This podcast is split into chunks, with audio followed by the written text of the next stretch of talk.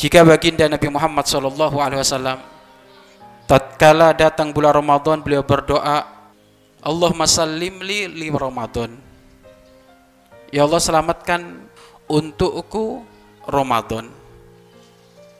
Wasallim Ramadan minna. Dan selamatkan Ramadan dari kami ini maknanya sangat dalam. Selamatkan Ramadan dari kami. Maksudnya apa? Dari perbuatan keji yang bakal kita lakukan, dari perbuatan kemaksiatan yang bakal kami lakukan di bulan Ramadan, dari ibadah yang tidak khusyuk yang akan aku lakukan di bulan Ramadan, maka selamatkan Ramadan dari kami ya Allah.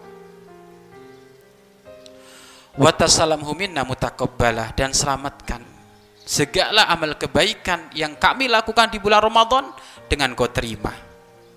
Ini doa yang dipanjatkan oleh baginda Nabi Muhammad sallallahu alaihi wasallam tatkala Ramadan tiba.